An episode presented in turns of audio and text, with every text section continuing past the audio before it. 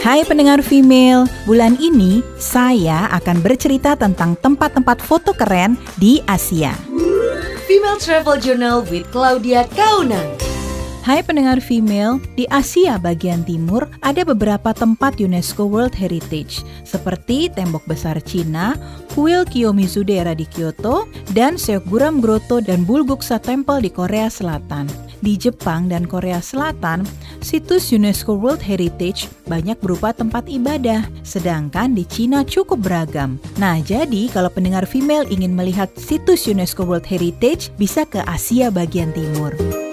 Tunggu ya cerita perjalanan saya di Female Travel Journal berikutnya dan Anda juga bisa mendengar cerita selengkapnya di femaleradio.co.id. Female Travel Journal with Claudia Kaunang.